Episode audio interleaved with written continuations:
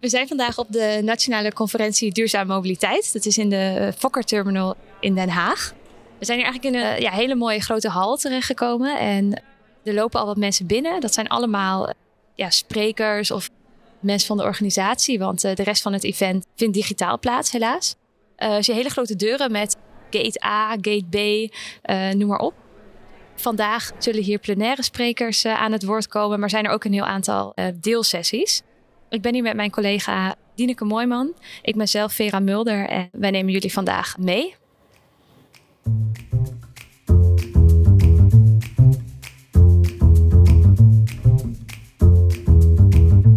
Dineke, wat verwacht jij van vandaag?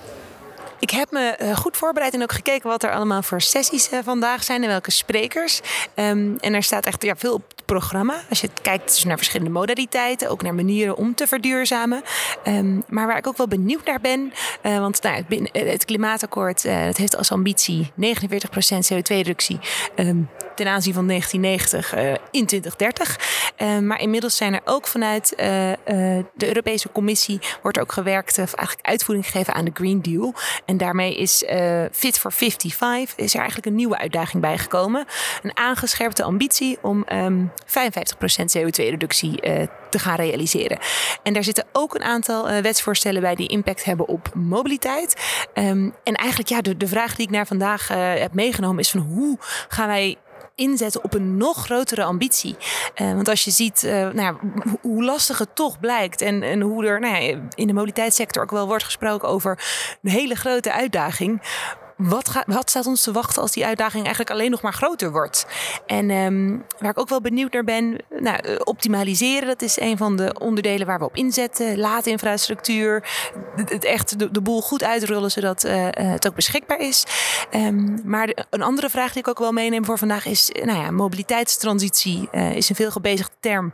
Maar transitie betekent ook wel stoppen met oud gedrag en opbouwen van nieuw gedrag. En, en waar gaan we nou echt mee stoppen of waar moeten we mee stoppen? Um, en ik ben ook benieuwd of we daar vandaag misschien uh, nou, wat mensen over kunnen bevragen. Uh, hoe we dus aan die doelstellingen gaan werken en uh, wat daarvoor nodig is. Nou, genoeg vragen in ieder geval. Um, inderdaad, Fit for 55, deze uh, zomer gepresenteerd door de Europese Commissie. Zelf ben ik ook wel heel erg benieuwd. Ja, die 49% die het oorspronkelijk was, was al ja, een behoorlijke, behoorlijke uitdaging. En nu ja, komt daar nog weer wat bovenop. Dus uh, ja, hoe gaan we dat met z'n allen uh, bereiken? Um, is het voldoende? Is het, is het überhaupt haalbaar? Dus dat zijn wel vragen die ik zeker wil gaan stellen. Ja, ja. Laten we op zoek. Uh, nou, Kees, hartstikke fijn uh, dat we je vanochtend even kunnen spreken op de uh, conferentie. Kun je eerst even kort vertellen wie ben je en wat doe je? Ja, Kees Hansma en ik ben de waarnemend directeur duurzame mobiliteit bij het ministerie van Infrastructuur en Waterstaat. Uh, nou, dat is, uh, ja, dat is de titel. En nou, wat doen wij? Uh, nou, onder andere vandaag deze dag georganiseerd. nou, tot, tot afgelopen donderdag was de bedoeling dat het allemaal live zou zijn. Dan hadden we hier achter ons een hele volle zaal gehad, 500 mensen. Dus nou, keek er erg naar uit. En vooral ook de mensen die er hard aan hebben gewerkt. Maar helaas hebben we afgelopen donderdag toch moeten besluiten. Dat gaan we niet doen. We gaan het toch digitaal doen. Ja, dat, uh, dat komt dan volgend jaar weer. In ieder geval heel fijn dat het, uh, dat het digitaal alsnog, uh, alsnog plaatsvindt. En dat wij wel op locatie kunnen zijn natuurlijk. Ja. Dat is helemaal, helemaal fijn. Um, kun je nog uitleggen waarom het zo belangrijk is dat het toch doorgaat vandaag? Ja, ja. nou dat is belangrijk denk ik. Omdat, kijk, het, is een, het heet niet voor niks op weg naar 2050. We zijn met z'n allen op pad. we zijn begonnen. Ehm, maar je hebt elkaar gewoon hartstikke hard nodig. Uh, wij kunnen het als overheden niet alleen, uh, de marktpartijen kunnen het niet alleen. We hebben de burgers nodig, de maatschappelijke partijen, de innovatie, al die dingen komen samen. En het is gewoon ook heel goed om juist ook in coronatijd dat met elkaar te delen. Want anders ben je nou ja, in je eentje bezig, om maar zo te zeggen. Maar juist die kruisbestuiving tussen al die groepen, universiteiten erbij, dat maakt dat je met z'n allen weet, oh ja, we zijn ergens mee bezig en we gaan door.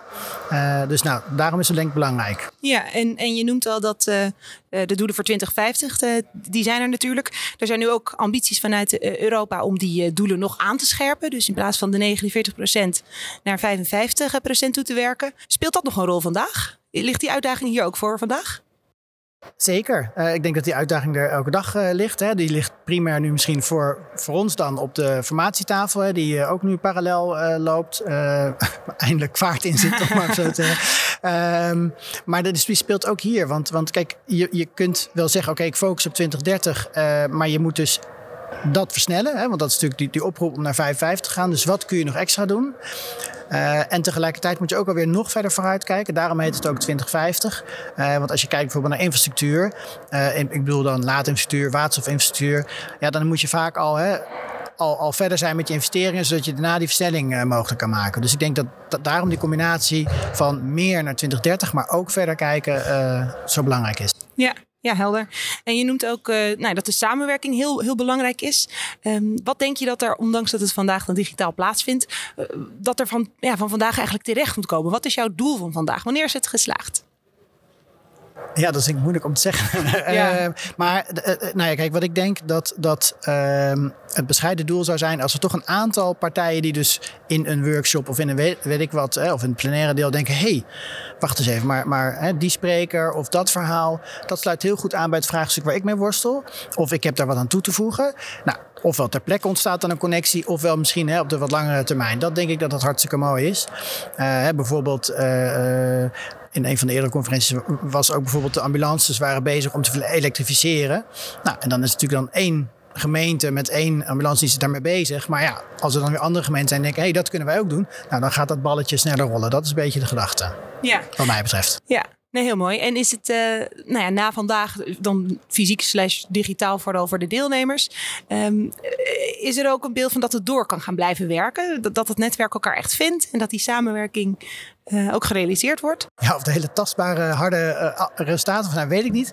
maar dat is wel de bedoeling. en daar is misschien dat je dit één keer per jaar doet is misschien iets te weinig. Maar er zijn natuurlijk ook nog kleinere sessies. Uh, juist bijvoorbeeld op brandstof gericht of juist op elektrische auto's. dus zeg maar zou je kunnen zeggen, ja, subconferentietjes zou je kunnen zeggen. Uh, waarbij je soms wat meer de diepte in gaat. Dus zo proberen we wel door het jaar heen, via events en dingen, uh, ja, dat netwerk actief te houden en geactiveerd. Ja, mooi. En is er iets nog wat je, wat je wil meegeven? Je denkt dat dit. Voor alle eh, luisteraars. Ja, alle luisteraars thuis. nou ja, bedenk dus, dus ook wat je zelf kan doen in het klein. Hè? Dus ieder van ons kan een steentje bijdragen. Uh, door je anders te bewegen. op de fiets in plaats van met de auto. Of, of uh, koop, probeer die stap te zetten naar, naar een elektrische auto of tweedehands of wat dan ook. denk na als je gaat vliegen, hoe doe je dat? Kun je ook met de trein komen? Dat kunnen we natuurlijk zelf allemaal doen. En dan denk je, ja, maar dat is maar een hele kleine stap. Is misschien wel zo, maar in totaal leidt dat wel ergens toe. Oké, nou dankjewel voor je woorden en uh, een mooie dag gewenst. Merci, jullie ook.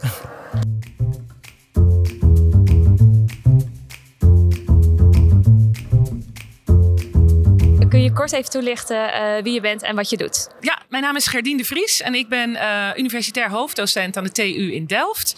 Uh, daar geef ik les en doe ik onderzoek, zoals, zoals mensen doen aan de universiteit. En mijn onderzoek gaat over gedrag. En dan ben ik gespecialiseerd in gedrag rondom klimaat en energietransitie. Oké, heel mooi. En daar had je net ook een, eh, een, een motto bij. En dat ging over um, gedoe en gewoonte staat verandering uh, in de weg. Ja. Um, als ik hem nu, uh, nu ja, goed quote. Ja, ja, ja. Kun je dat wat meer toelichten? Ja, Um, een deel van ons onderzoek gaat naar uh, het kijken waarvoor mensen barrières zitten als ze zich duurzamer willen gaan gedragen of als ze duurzame beslissingen moeten nemen. Dus dat, uh, dat, gaat, dat geldt voor consumenten, en, maar ook voor mensen die op hoger niveau beslissingen moeten maken, zoals politici of beleidsmakers of mensen in de industrie. En um, wij kijken dan van, nou oké, okay, stel dat mensen dat wel willen en dat er ook de technische middelen zijn en ook financiële mogelijkheden, zijn er dan nog psychologische factoren bijvoorbeeld die mensen in de weg kunnen staan. En gedoe is zo'n uh, barrière. Mensen, uh, dat blijkt uit ons onderzoek onder andere, zien uh, heel veel beren op de weg, om het zo maar even te zeggen. en denken dan van het is lastig om tot dat einddoel te komen. Um, ja, en als je heel veel beren op de weg ziet, dat zijn kleine microstressoren, dan leidt dat tot één grote stressfactor. En dat kan je echt verlammen, zeg maar, in je duurzame keuzes. Ja, waardoor het eigenlijk niet meer, uh, niet meer niet gebeurt. lukt. Nee, terwijl je dus wel uh, dan de intentie kunt hebben en ook voor de rest de mogelijkheden best hebt. Ja. Kijk, dus als je helemaal niet wil en uh, ook niet weet, nee, weet je, als je nog heel vroeg in dat stadium zit, dan heb je allerlei andere barrières. Maar dit is juist op dat punt van: oké, okay, ik wil eigenlijk wel en ik heb er het geld ook voor, waarom doe ik het dan niet? Weet je, da daar komt dat vaak spelen. Ja. Laatste stapje. Ja. dit is wel grappig, want ik denk dat ik misschien een initiatief van jullie ken. Ehm, dat was ehm, om het beleid voor werknemers aan te passen, waarbij er ook een onderzoek is gedaan um, dat allemaal medewerkers mochten dan een OV-kaart of een elektrische fiets bijvoorbeeld voor, voor echt een aantal weken. En dan in ruil daarvoor moesten ze allemaal vragenlijsten invullen over dus nou, dat gedrag. En dan konden ze eigenlijk zes weken lang bijvoorbeeld dus met het OV uh, naar de TU Delft of met de elektrische fiets. Uh, en op basis daarvan uh, was in ieder geval ook de bedoeling om het beleid aan te passen. Um, klopt dat? Ben je daar ja, dat zou kunnen zijn. Ik gebruik dat wel eens als voorbeeld in, in, uh, in praatjes. Het kan zijn dat je dat... Uh, dat, is, dat is trouwens een, een, een project geweest van de TU Delft zelf, zeg maar. Dus toevallig heeft een student van mij meegewerkt aan die vragenlijsten. Oh, maar um, uh, het is niet zozeer dat uit dat onderzoek naar voren kwam dat mensen het een gedoe vonden. Het is meer dat ik dat ook altijd als voorbeeld aangeef. Dat ik zelf niet mee heb gedaan aan dat hele project. Terwijl ik wel had moeten meedoen. uh, omdat ik het zo'n gedoe vond. Weet je? Dus, dus uiteindelijk was dat ook een soort van analyse van waarom doe ik dit nou niet? Waarom zit ik niet op die elektrische fiets? En toen dacht ik ook, oh ja, ik heb al die, die barrières, gewoonten, maar ook ik voorzie allemaal gedoe met het ophalen van die fiets en het stallen van die fiets. En het is 19 kilometer woon-werkverkeer en dan ben ik bezweet en het duurt te lang. En al dat soort dingen. Terwijl ik denk van ja, ik kan het doen. Ik kan het zelfs een elektrische fiets kopen als ik wil. Weet je, is, ik heb eigenlijk helemaal geen reden om dat niet te doen. Dus daar schaamde ik me voor. Ja, ja, ja. oké. En, en, en wanneer zou je het wel doen? Wanneer zou ik het wel doen? Nou, ik ben al, uh, ik ben, ik ben al in ieder geval uit de auto gestapt en met het openbaar vervoer ga ik nu. En ik denk ik denk als, als, het, als de faciliteiten er allemaal zijn, als ik zeker zou weten bijvoorbeeld van ik kan die elektrische fiets altijd uh, stallen en opladen bij mijn werk. Ik weet zeker dat er genoeg plekken zijn. Uh, misschien zelfs ook betere faciliteiten om je kunt, te kunnen opfrissen. Want uh, dat is toch ook wel als je in een regenbui komt en ik moet er na twee uur college geven. Ja, dan wil ik toch eigenlijk wel weet ik, mijn haar kunnen feunen. Dat klinkt heel tuttig. maar bijvoorbeeld wel even dat je, dat je in ieder geval het gevoel hebt dat je... je dus ik denk dat soort, dat soort dingen zou wel, zouden mij wel helpen. Het zijn eigenlijk randvoorwaarden om ook nou ja, misschien meer mensen dat gedrag te laten Ja, maar dat is, dat is dat hey, die gedoefactor wegnemen. Dat, dat, dat geldt dan misschien voor mij, maar andere mensen hebben andere barrières. Dus als, als je dat goed in kaart hebt en het, dat wordt allemaal weggenomen voor je... van Gerdien, we gaan je echt helemaal pamperen hier, weet je wel. Ja, dan, dan zou dat voor mij al helpen. Ja, ja. en... Uh, net gaf uh, Kees Hansma aan uh, bij de opening ook. Uh, de start is gemaakt, maar de versnelling moet nog komen. Mm -hmm. nou ja, we hebben natuurlijk de ambitie 49% CO2-reductie. Die wordt ook nu door de Europese Commissie wordt opgedrukt. We gaan naar Fit for 55. Meer ambitie, meer, nou ja, meer verandering. Ja. Maar wat, wat vraagt dat van ons gedrag? Want je zegt het is nu al lastig. Wat, wat, wat, wat voor uitdaging leggen we onszelf daar eigenlijk wel niet mee voor? ja, eigenlijk wat ik net zeg. Van we, we, we moeten allemaal kijken wat we kunnen doen. En wat ik ook net op het podium vertelde. Um, uh, we moeten proberen voor onszelf in kaart te gaan brengen wat voor ons dan mogelijk is.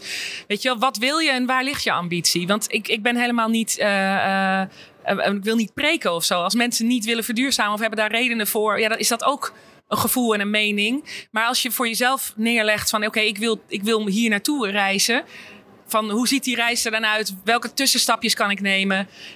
Welke barrières zijn er? Hoe kan ik die later wegnemen of zelf wegnemen?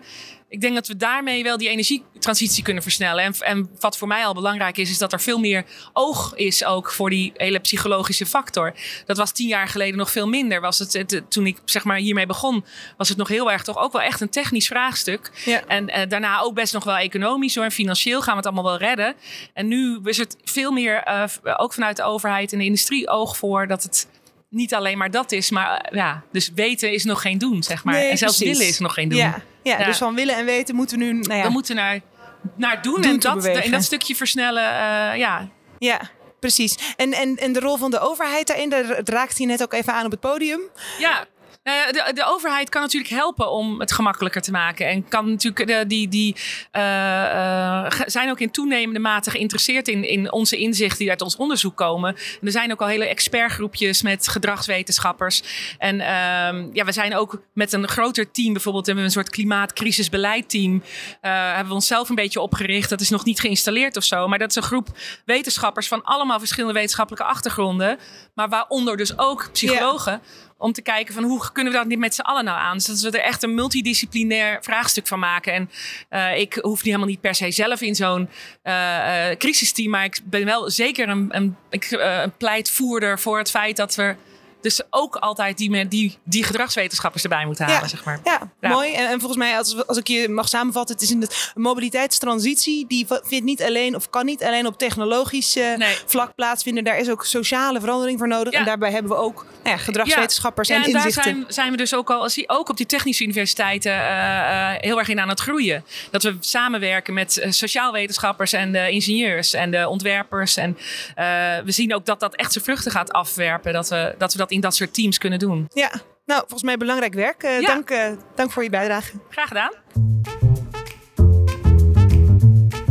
dat nog maar eens uh, scherp neer te zetten, vinden we het eigenlijk fijner collectief, dus wel in samenleving, uh, ook om nieuwe innovatie op te schouder te geven. Dat vinden we fijner dan het onduurzame te markeren en te zeggen, dit moeten we eigenlijk niet doen, we willen Wie ben je en wat doe je? Ik ben Rick Braams. Um, ik werk voor het ministerie van Infrastructuur en Waterstaat. Tegen mobiliteit en dan de unit innovatie in mobiliteit. Dat is uh, deel A. En deel B is dat ik uh, buitenpromovendus ben bij het Copernicus Instituut van de Universiteit Utrecht. Ja, super interessant. Zojuist heb je een uh, deelsessie begeleid. Wij waren daar uh, ook bij aanwezig. En die sessie heette Het monster in de bek kijken. Wat bedoel je daarmee? Um, vanuit de transitieliteratuur wordt er, um, worden er heel veel taken aan overheden gegeven. Maar ik heb het idee dat ze binnen die literatuur zelf nog niet zo heel goed begrijpen hoe ambtenaren daarin staan. Dus de taken die worden gegeven, als ik ze aggregeer, is het richting geven, een governance creëren, het nieuwe stimuleren, zodat het het oude kan gaan vervangen. Het oude is ook wel het dysfunctionele of het onduurzame. En ik denk dat je daar nieuwe interne capaciteiten en structuren voor nodig hebt om die eerste vier te doen. En mijn aarzeling is dat uh, deze nieuwe taken die ambtenaren moeten gaan uitvoeren, dat ze daar niet genoeg legitimiteit voor kunnen vinden als je naar de bestuurskundige theorieën gaat kijken, die eigenlijk vertellen wat een ambtenaar wel en niet mag doen. Ja, want, je, want wat ik inderdaad goed heb onthouden ook van, uh, van zojuist, is dat je zegt, um, juist dat, dat, dat afbreken, dat afbreken van oude structuren, dat vindt men zo ontzettend moeilijk. Dat is eng, dat doet pijn. Ja. Hoe kan dat? Um, nou, dat heeft te maken met, uh, dat is, ja, zo'n zo transitie gaat over domeinen heen. Dat is, is, zit diep in systemen en uh, alles is daarna georganiseerd. Er zijn business cases van bedrijven op geënt. Um, daar uh, hechten mensen belang aan dat ze het op die manier doen. Maar dat gaat dus. We moeten dus praten over belangen, investeringen, business cases, geld, macht. En als je daaraan gaat morrelen, ja, dat is lastig. Dat is moeilijk. En dan heb je ook verliezers. Bij een transitie moet je het ook over de verliezers hebben. En als je die verliezers aan tafel zet, ja, dan ga je niet de radicale draai maken die een transitie misschien behoeft. Ja, en, en je noemde ook in, uh, in de sessie dat uh, nou, we eigenlijk nu vanuit de network governance uh, werken. Dat is een, een, onderdeel, dat is waar de overheid zich nu in vindt. Maar dat het vanuit die rol eigenlijk niet makkelijk is om transities vorm te geven of te legitimiseren. Kun je dat duiden? Ja, ja, dus network governance is eigenlijk het idee dat er meerdere centra van macht zijn. En dus dat je een, een, een, governance, een overlegstructuur moet creëren, omdat een overheid zelf niet meer alles bepaalt. Dat doen we al een hele tijd niet meer, maar het is een soort van hands-off beweging geweest ook. Uh, dus we zijn als overheid ook helemaal niet meer gewend om richting te geven. Maar als je dus iedereen aan tafel hebt en iedereen mag meebepalen en de partijen die belang hebben bij het bestaande systeem ook aan tafel hebt. En die hebben uh, hun geld verdiend, die hebben een goede lobby opgezet, die weten hoe de structuren werken, die hebben hun ingangen. Dan uh, zullen die ook die transitie tegenwerken. Omdat yeah. ze op dit moment hun business case uh, nou ja, uitgaat van het bestaande en niet van het toekomstige. Dus als je die vanuit die network governance gedachte ook aan tafel hebt, um, zul je daar meer moeite voor hebben om, om ook die radicalere afslag te nemen. Ja, dit, dit klinkt wel eigenlijk als een padstelling. ik denk dat daar een heel groot risico voor is. Ja, zeker. Ja, en de rol van de ambtenaar daarin, kun je daar nog een link naar leggen? Nou, dat is moeilijk. Ik denk als je kijkt naar hoe je legitimeert als ambtenaar om te doen wat je doet, is dat je zegt procedures, processen, daar hou ik me heel netjes aan. daarom mag ik doen wat ik doe. Of ik creëer, creëer de biggest bang for my buck. Heel efficiënt en effectief zijn. Dat mag. Dan ben je goed bezig. Of je zet iedereen aan tafel. Ook de mensen die eigenlijk niet aan tafel zouden komen uit zichzelf. Maar die help je, die geef je een stem. Uh, en je creëert inclusiviteit en draagvlak. Nou, dat zijn de, de legitimatiemechanismen. Maar als je dan zegt het oude afbreken. Uh, nou, processen, procedures, dat moet dan de minister uh, duidelijk zijn geweest. We gaan het afbreken, anders kan je dat zelf niet initiëren. Je volgt in principe, volgens Weber, volg je je bewindspersoon. Het is waarschijnlijk op de korte termijn helemaal niet effectief en efficiënt. Het kost waarschijnlijk. Je creëert chaos. Dat is niet goed voor de economie. Nou, dan lukt het niet. En je wrijft mensen tegen de haren in. Grote partijen met veel macht, met, met impact. Ook op beleid, op uh, politici. Uh, dus eigenlijk de drie traditionele mechanismes om te doen wat je mag doen, om jezelf je werk te legitimeren, die werken niet zo goed bij het oude afbreken. Ja. Dat is problematisch. Ja. ja, en vandaag op zo'n dag als nou ja, uh, conferentie duurzame mobiliteit je hoort hier veel sprekers ook over nou ja, uh, verandering. Weet je, de, de, dag van morgen, daar werken we met z'n allen naartoe. Um, maar wat ik ook uit je praatje opving, is dat nou ja, dat optimaliseren van het huidige, dat eigenlijk een doodlopende weg is. Ja, dus ik denk, uh, ik denk dat innovaties het nieuwe de rol is om het oude te vervangen op een gegeven moment. We gaan het er niet maar extra weer bij doen. Het moet op een gegeven moment volwassen worden. Het moet een volwaardig alternatief worden voor het, het, het dysfunctionele, het oude, het onduurzame. Um, en als we het oude systeem maar blijven optimaliseren, dan uh, is het nieuwe uh, is het steeds moeilijker voor het nieuwe om het oude te gaan vervangen. Dus ik denk dat het optimaliseren van het oude echt problematisch is en daar moeten we mee stoppen. Ja, Mooi.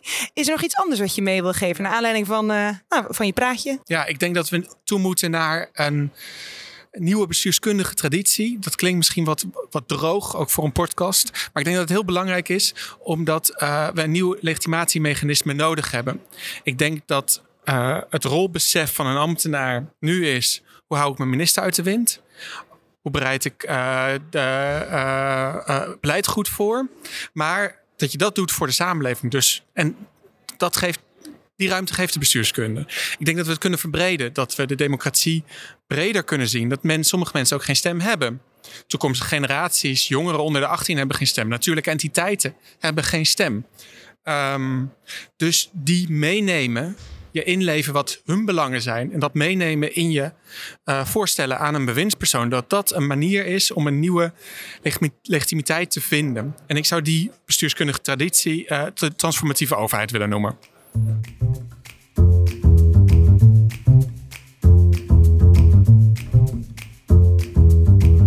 Wat hebben we vanochtend allemaal al gehoord, Tineke? Vanochtend zijn we begonnen en ook wel welkom geheten door uh, Kees Hansma, de plaatsvervangend directeur Duurzame Mobiliteit. Uh, die heeft als uh, organisator van het event ons welkom geheten. Vervolgens hebben we het met Gerdien de Vries uh, over het gedrag gehad en wat daarvoor nodig is om uh, dat te verduurzamen. En spraken we Rick Braams uh, vanuit INW over transitiedenken.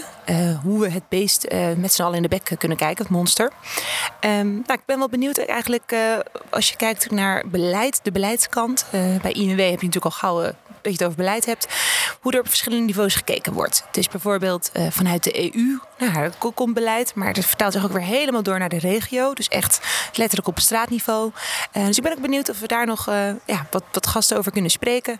Om ook wat kleuring te geven, misschien vanuit modaliteiten.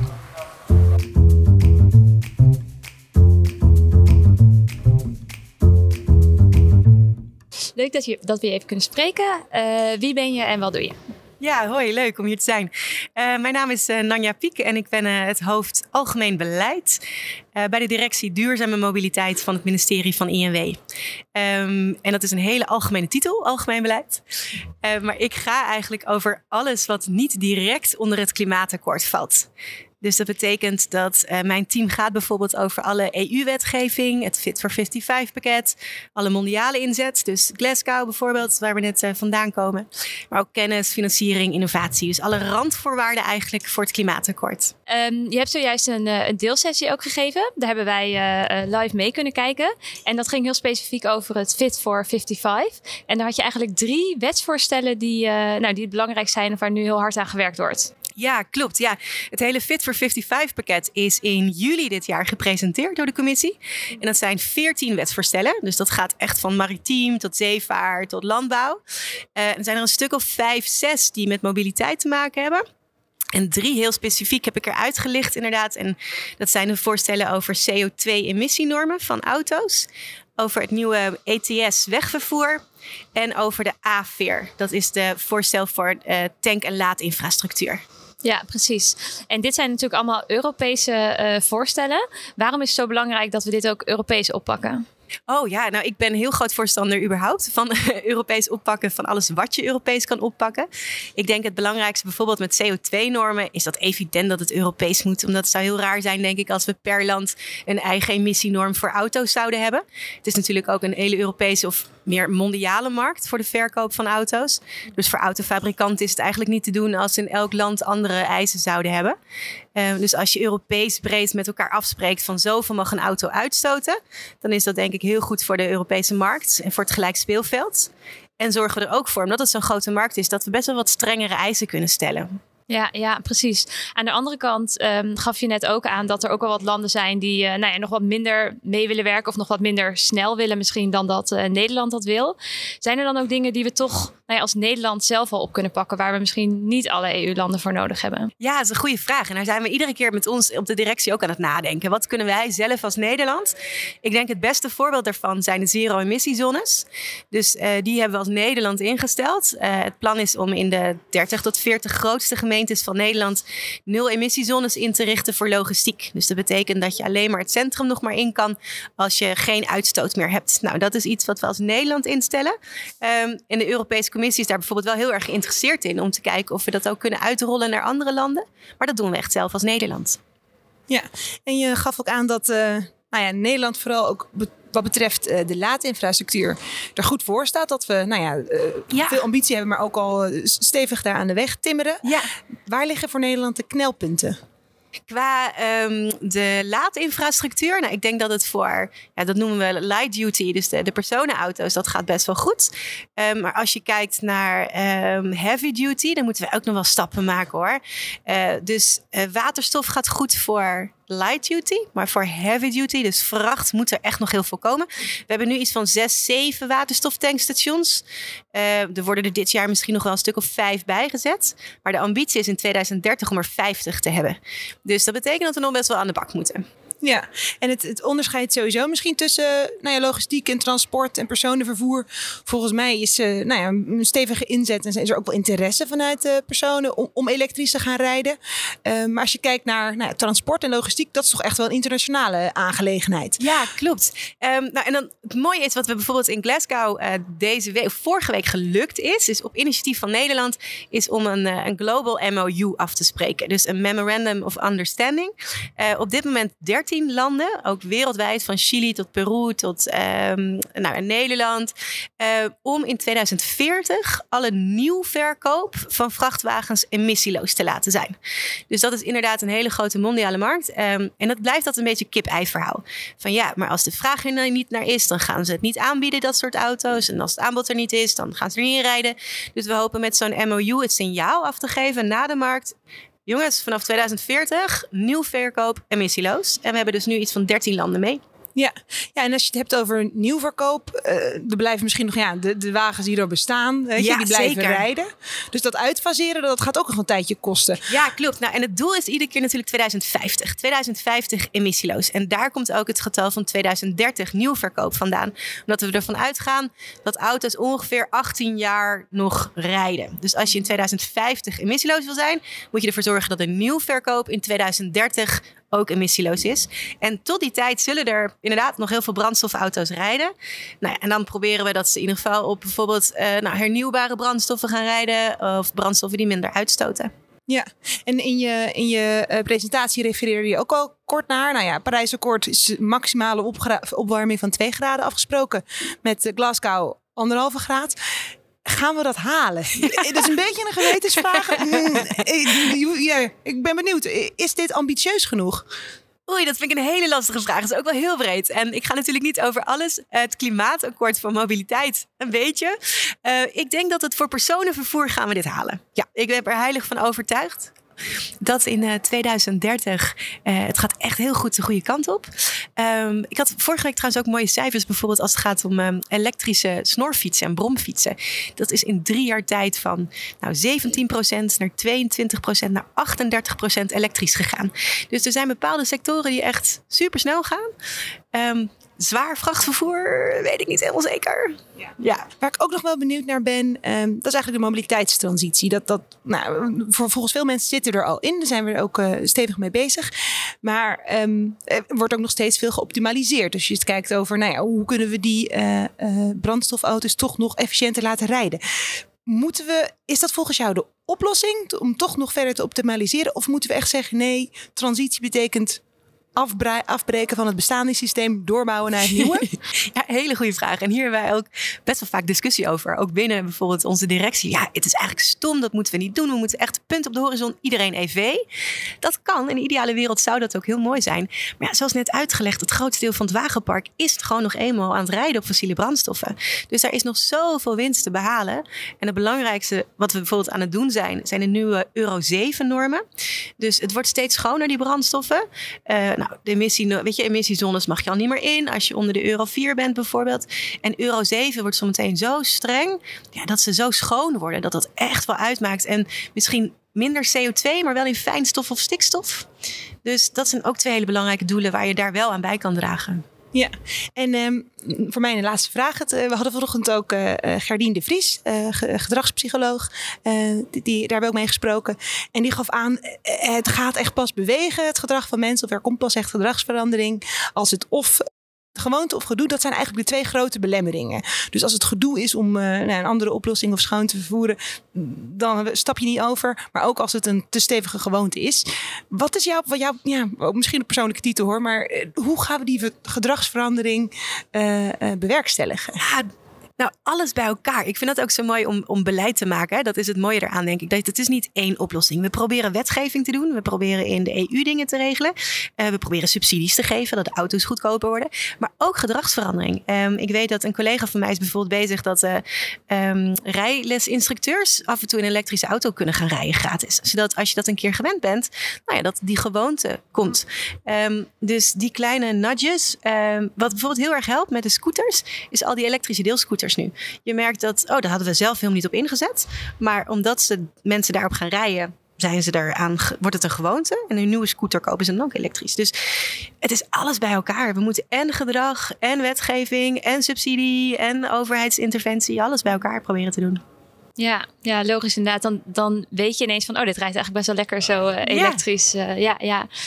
Um, even kijken, als je je ogen dicht zou doen en je wordt wakker en het is 2050, hoe ziet uh, mobiliteit er dan uit? Oeh, mooie vraag, leuke vraag. nou, alles is dus net zero, dus niks stoot meer uit. Of tenminste, misschien zijn er een paar van die auto's die dan nog ergens rijden en waar je dan met verbazing naartoe kijkt. Um, ik hoop dat, um, dat er veel meer ruimte is voor fietsen en lopen, dus voor actieve mobiliteit. Ik denk ook dat uh, mobility als een service veel meer is ingeburgerd. Dus je hebt geen eigenaar meer van, je bent geen eigenaar meer van een auto, maar je gebruikt hem als je dat, als je dat wil. Dus ik hoop dat die drie dingen uh, zeker zullen zijn. En verder, ik heb geen idee.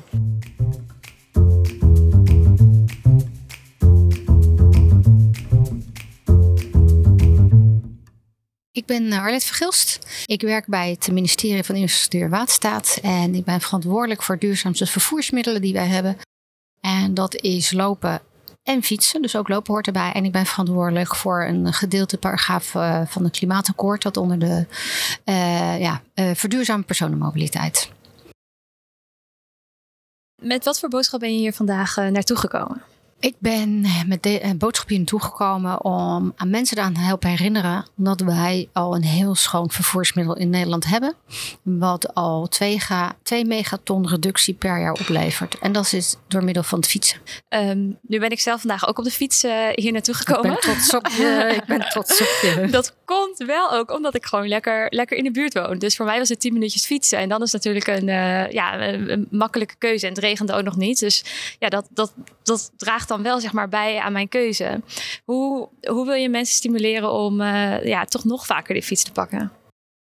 Sinds ik dus uh, programmamanager fietsen ben geworden, uh, maak ik heel veel mensen van attent. Hè? Van stel nou dat je met de bus gaat hè, of met de auto. Moet jij volgens mij nog steeds een stukje lopen, kan je nog steeds nat worden. Zeker. Volgens mij hebben we regenjassen. Uh, volgens mij moet je ook beseffen dat, oké, okay, uh, er zijn een aantal onderzoeken geweest. En zo heb je ook een Twitter-account van het, uh, het regent eigenlijk niet elke dag. Dat er eigenlijk maar gemiddeld maar tien dagen per jaar je nat geregend wordt. Dus zulke soort discussies ga ik dan na met mensen. En ik ben ook wel iemand van Practice What You Preach. Dus ik heb een e-bike, een gewone fiets en een racefiets. En ik fiets 12 kilometer hier naartoe. En dat doe ik op e-bike. En uh, het was vanochtend koud. Nou, dan doe je een extra muts op. Je doet het handschoenen aan. Maar ik ben wel buiten geweest. Ik heb wel de natuur gezien. Ik heb op een andere route gefietst dan normaal. Ik kom een trein tegen. Ik kom een binnenvaartboot tegen. Waarop staat hier worden 16 vrachtwagens uh, vervoerd met containers. Dus je komt van alles en nog wat tegen. En er komt veel ontspannen daar ook aan. Ja, is ook een stukje ervaring eigenlijk ja toch ook, ja, ja, nee, kan me helemaal. Uh, ik heb ook een elektrische auto hoor, moet ik ook zeggen. Ja, ik ook hoor. Ja. dus je kan er wel goed het verschil daarin merken wanneer ik de trein pak of een auto pak of een fiets pak. En ik, en ik ben ook voor dat het de gehele, het gehele wagenpark verschoont. Mm -hmm. um, maar ik denk wel dat, dat we uh, meer moeten leren om de keuze te maken op basis van tijd of van afstanden en CO2 dan op van wat is het weer vandaag. Ja, nee, dat, dat, ja, nee, helemaal met je eens. Wat je nu vertelt natuurlijk wel nog heel, um, um, ja, heel zeg maar op, op, op persoon, dus best wel op, op individu. Um, hoe gaan we dit aan de, aan de massa brengen? Uh, hoe gaan we dit aan massa? Nou, we zijn er al uh, eigenlijk jaren mee bezig. We zijn met de werkgeversaanpak die je in de, in de regio hebt. Uh, zijn we heel erg bezig met alle werkgevers. En we merken dat er werkgevers heel erg gemotiveerd zijn om mensen op de fiets te krijgen.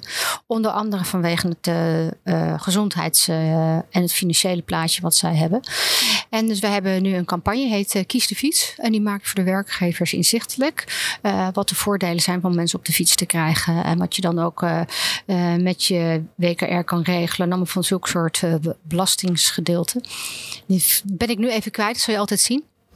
En, um, en dat werkt ook heel erg positief. Want wat is, uh, als je kijkt naar de, de, werkgevers en de werkgeversaanpak, wat is dan de grote concurrent van de fiets? Is dat uh, nou, de leaseauto? Dat is de 50% autoritjes gemaakt door nou ja, de auto op de 7,5 kilometer. Ja. Dus dat is echt heel, hele, hele korte afstand, hè, 7,5 kilometer. Ja, en, en um, nou, je hoort ook steeds meer stemmen opgaan voor een mobiliteitsbudget. Dus dat in plaats van ja. uh, nou, voor een auto van de zaak als standaard, dat je op een andere manier gaat reizen. Is dat ook iets waar het van het INW op in wordt gezet? Ja, en daarvoor hebben wij uh, de leasefiets uh, nu wat vereenvoudigd voor de werkgevers, dat ze dat makkelijker kunnen doen. dus dan krijg je een soort fiets van de zaak. Ja, ja, het andere type vervoer. Ander, ander type vervoer, ja. Want de, de trein wordt vaak volledig uh, gefaciliteerd. Hè? Daar hoef je helemaal niks over te, voor te betalen. Uh, de leaseauto is al heel normaal. Maar de leasefiets is nog wat minder normaal. Ja, ja, en nou, nou was er ook, volgens mij is er momenteel wel, ook als je een fiets van de zaak wil kopen, dat, daar was een gunstige regeling vroeger, maar dat is inmiddels volgens mij, moet je daar ook bijtelling over betalen. Althans, daar, dat is niet meer zo voordelig als het was. Moeten we daar ook niet vanaf dan? Als je kijkt, nou, we willen de fiets echt uh, op een podium krijgen. Ja en nee. Het is aan de werkgever, die kan dat binnen zijn eigen potje wat hij heeft, kan hij ervoor zorgen dat je bijvoorbeeld 500 euro krijgt. Maar dan moet een werkgever wel groot genoeg voor zijn om die ruimte te kunnen aanbieden. Um, en het is hetzelfde met zo'n leaseauto. Dat moet ook binnen diezelfde ruimte gebeuren. Dus um, om nu te zeggen voor iedereen, je, kan, uh, je mag tot 500 euro vrij besteden aan de fiets, ben ik niet helemaal voor. Nee. Nee, begrijp ik. En waar ik ook wel benieuwd naar ben, je gaf net aan bewustwording uh, dat, dat, we een fiets hebben, is een hele goede. En ook uh, de voetganger, althans uh, voetgangersmobiliteit stimuleren. De, de, elektrische fiets, is dat een game changer? Ja, absoluut. Ja, want ik heb natuurlijk, voordat ik je in toegang een aantal feiten en cijfers proberen te onthouden, naar het hoofd te leren. De gemiddelde afstand wat je op een gewone fiets doet is 3,6. En met een elektrische fiets is 5, zoveel. Dus, en wat je ook ziet is dat mensen uh, dan vaker de fiets gaan gebruiken, ook voor de kortere afstanden. Uh, en dat scheelt dus ook al heel veel. En je ziet dat er veel meer jongeren, dus onder de 50 jaar en ook 18 jaar jonger, veel meer de e-bike gaan gebruiken. Wat ik er wel bij wil zeggen is dat we als we iets stimuleren, onze randvoorwaarde is altijd de verkeersveiligheid. Dus het moet wel veilig zijn. Dus we zijn ook binnen het ministerie heel erg bezig met kruispunten, met fietspaden, om ervoor te zorgen dat de risico's afnemen voor verkeersongelukken, juist met, uh, met, met fietsers. Ja, nee, helder. En um, waar ik ook wel benieuwd naar ben op. Uh uh, nou, gemeentelijk en op regionaal niveau um, wordt er veel uh, gewerkt aan fietsnetwerken. Dus snelle fietsroutes. Bijna, ja, hoe noem je die? Die snel, snelwegen, fietssnelwegen. Fietsroutes, ja, precies. Ja. Metropolitane routes. Um, waar wordt er vanuit het Rijk op ingezet? Of als je kijkt nu waar we de komende jaren moeten, op moeten inzetten om echt die fiets uh, verder, of weet je, verder te krijgen, verder te brengen? Nou, gelukkig mogen wij samenwerken met de provincie en de gemeente. Want die zijn eigenlijk um, verantwoordelijk voor het uitvoeren het aanleggen van de, zulke soort fietspaden en doorfietsroutes en dergelijke. En uh, wij zijn nu samen met hun bezig om een toekomstbeeld te schetsen. En uh, het Nationaal Toekomstbeeld Fiets is in maart naar de Kamer uh, gestuurd. Dat is een eentje waar alleen de contour in staat. En we zijn hier nu gezamenlijk, dus alle overheden gezamenlijk, zijn nu aan het uitwerken voor een volgende fase. Om ook te kijken naar waar zitten de dikke stromen. Dat wil zeggen, waar is heel veel fietsverkeer? wat moet je daaraan doen? Waar zitten de dunne stromen? Waar kan je wat minder aan doen? wat doet het voor de gezondheid? Wat doet het voor de nationale maatschappelijke opgave die een provincie of, een gemeente heeft? Uh, wat doet dan het fietsen daarvoor? In hoeverre kan het daaraan bijdragen? Nou, dat zijn we nu met z'n drieën gezamenlijk verder aan het uitwerken. Om nog meer inzicht te maken. Waar helpt het in? Uh, dus ik hoop dat dat een beetje het antwoord is. Dat we het met z'n allen doen. Want ik mag nog alleen maar af en toe uh, via een impuls een bijdrage leveren. En faciliteren. Maar waarschijnlijk hopelijk op de lange termijn wordt de rol iets anders. Mooi. En als uh, je, je één ja, maatregel of, idee zou mogen hebben om de fiets uh, te promoten of, verder te krijgen, wat zou, wat zou dan jouw ja, droombeeld zijn voor, voor de toekomst? Mijn droombeeld, ja. mijn, echt, echt mijn droombeeld, dus het is geen beleid. Mijn droombeeld zou zijn dat het, een, uh, het fietsen in een zorgverzekering zou kunnen komen passen. waardoor mensen die niet die beweging kunnen halen, maar ook niet echt het geld hebben we bijvoorbeeld, uh, via een zorgverzekeraar toch aan een fiets zou kunnen komen. Het is nu al voor sommige ziekten is het mogelijk, maar eigenlijk veel breder nog voor veel meer mensen. Dat, dat zou een droombeeld voor mij zijn, want dan kan je heel veel mensen bereiken. Dankjewel. Alsjeblieft. Nou, we hebben een hele leuke dag gehad uh, vandaag. We hebben veel mensen gesproken. Uh, wat, wat neem jij mee? Ja, klopt. Ik zit ook even terug te denken. We hebben veel mensen nou, hier in voor de podcast gesproken. Ook veel uh, sessies uh, meegemaakt, althans uh, mee mogen luisteren. Um, en als ik terugblik op alle gesprekken, maar ook op de sessies. Um, ja, dan merk je toch wel dat die mobiliteitstransitie, dat het en heel veel betekent. Het houdt heel veel in. nou, we moeten naar een nieuw duurzaam systeem. en de ambities zijn ook hoog, dan wel torenhoog. En dus er staat nog veel, nou ja, moet nog veel gebeuren.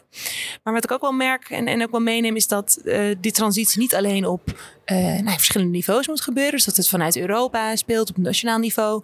Maar ook juist het regionale en het lokale uh, wat daar gebeurt. Uh, maar dat het ook echt een transitie is. Niet alleen van, van de overheid. Maar juist echt wel ja, een maatschappelijke transitie. Bijna een soort van socio-technologische transitie. Um, wat betekent dat het Rijk natuurlijk ja, dat je wat moet doen. En, en, en ministerie, eh, INW, heeft vandaag ook eh, nou, eh, een voorzetje gedaan. Maar het betekent ook echt wel wat voor, uh, voor de burger. En ook voor de maatschappij en samenleving. En dat vind ik wel het is toch een hele opgave. Ja, ja, nee, ben ik helemaal met je eens. Ehm, wat ik zelf ook heel erg meeneem, is dat uh, uh, stuk over de transitie en het, uh, het hele systeemdenken, of juist anti-systeemdenken. Dus um, dat we eigenlijk heel snel heel veel nieuwe innovaties met z'n allen omarmen en denken van wat fantastisch. Terwijl we tegelijkertijd misschien door blijven gaan met, um, ja, met dingen die we al doen, die helemaal niet zo duurzaam zijn. Ja. Ja, want als je nu bedenkt, uh, ja, wat gaan we vanaf morgen, moeten we echt anders gaan doen? Dan is daar niet 1, 2, 3 antwoord op te geven. Het betekent echt, en dat het is een beetje een, een cliché, maar het, is, het gaat om en, en, en. We moeten elektrificeren en, en minder rijden en schoner rijden en ja. uh, innovaties uh, aan bod laten komen. En op al die niveaus. Ja. Want uh, ja. als je bijvoorbeeld kijkt naar uh, fiets, wat wij hebben besproken, dat is natuurlijk heel erg regionaal en provinciaal en ook wel op, op, op individu. Jij gaat op die fiets stappen.